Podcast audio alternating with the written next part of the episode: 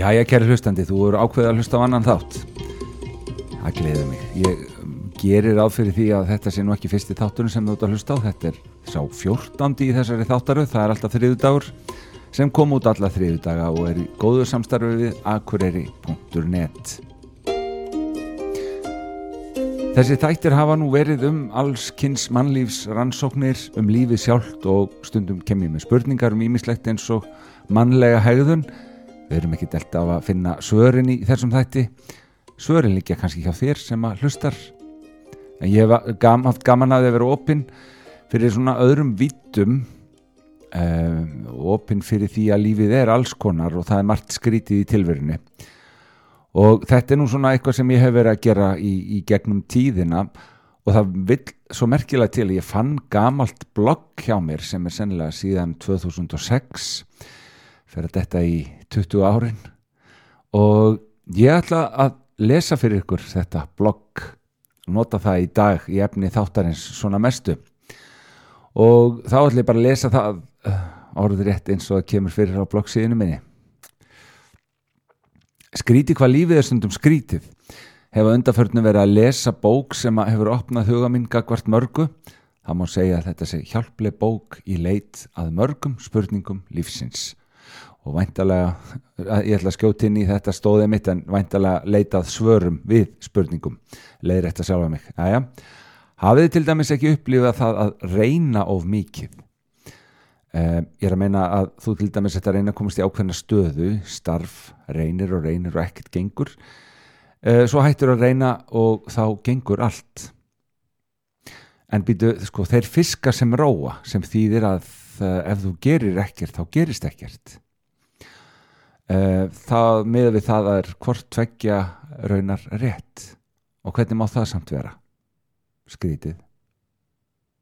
Í þessari bók sem að ég vitnaði ég er sagt frá manni sem langar að ná ákveðnum árangri. Hann spyr lærimeistara sinn hvað verði lengi að læra ef ég legg mig virkilega fram?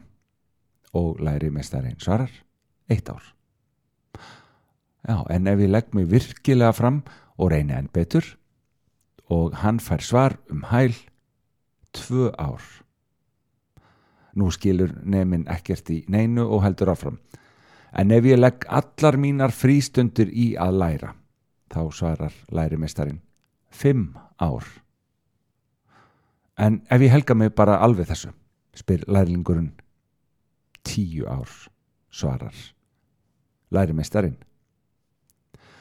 og þannig lælingurinn alveg hættur að skilja en fær þau svör að ef þú reynir of mikið þá verða hlutinir bara erfiðir. Ég man ekki hvað bókin segi nákvæmlega þarna en þarna þar maður vist að ganga þennan uh, hárfína meðalveg. Eitt er þau ljóst. Hugurinn okkar og hugafar skiptir svo rosalega miklu máli. Hugsaði bara ef þú vilt, þá getur þú nánast allt. Hórðu fram á við Láttu hugan reyka og ímyndaður hvernig þú vilt vera eftir eitt eða tvö ár. Sett upp leikþátt í huganum og óskaðu þess af öllu hjarta að þetta verði svona. Og með jákvæðu hugafæri og ámenningu um þetta nógu oft þá gerist það. Skrítið. Og þarna endar þessi færsla sem var á gamla blogginu mínu sem að um, er, þarna er ég að vitna í einhverja bók sem ég mann og ekki lengur hvaða bók er eins og niður en það er þetta með að reyna allt og mikið. Það er, eh, ég hef reykið mig á þetta í lífinu. Og það er alveg ótrúlega undarlegu hlutur. Því að eins og ég segi þarna þeir fiskar sem róa, ef þú gerir ekkert þá gerist ekkert. En hvort að þessi hvort að bókin sem er að vitni hérna er munkurinn sem seldi sportbílinn sinn. Ég var mjög hrifin að þessari bók þegar ég las hana fyrir um, harnar 20 árum. En svo er ég mikill sjálfsvinni núna og, og það er mjög magnað að finna þetta fyrir tilvílun hérna fyrir næri 20 árum. Og hérna hef ég eitthvað verið mikið byrjar að stúdira og er enn að því. Við erum sennilega því út lífið en þá þetta mér önnuru saga í hug sem að einmitt getur eh, passaðins við þessa. Og hún er úr hún er allavega öruglega úr eh, bókinni munkur sem seldi sportbílinn sinn. Og það eru mann Pétur og það er ekki grín sem að var að ganga í skóginum og hann var uh, sjö ára gamall finnur svona tvinna spotta og tekur hann upp og þá kemur til hans einhver seðkona og segir ef þú kipir í spottan þá færist tímin áfram um einhvern uh, tíma, daga, vikur, mánuði, jafnvel ár. Og hann tekur í spottan og viti menn, hann er orðin nokkur, nokkur mánuðum eldri. Þetta þóttu hann sniðut og hefur spottan tvinnan í vasanum og, og er í skólastofun og langar að fara út að leika.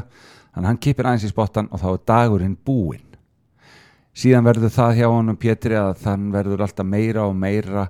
Hann langar alltaf í þetta og það er alltaf þegar að þetta gerist þá verði ég, ok, mér langar í bílpró ég ætla að vera 17 ára. Að hann fer úr, frá úr því að vera 8-9 ára gammal í að vera alltaf 17 ára. Og áður en hann vissi af var hann búin að kippa svo oft í spottan að hann var orðin gammal maður. E, þetta þótti mér merkileg saga og þykir enn vegna þess að ef við flýtum okkur þá gerist bara nákvæmlega þetta. Við erum alltaf með þegar veikina þegar þetta gerist og þegar hitt gerist.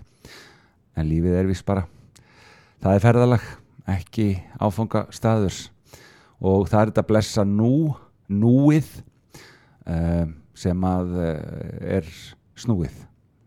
Tala um það á þess þannig að þessi saga allavega uh, segir okkur að njóta augnabliksins sem getur verið erfitt, við erum alltaf að stútir eitthvað fram í tíman, við erum hugsað um morgundaginn að ég fjandin, ég þarf að fara að gera svo leiðilt á eftir þrjá daga en það veit enginn hvort við eigum uh, einhvað sæti hér á þessari örð eftir þrjá daga. Við vitum það ekki, enginn veit það.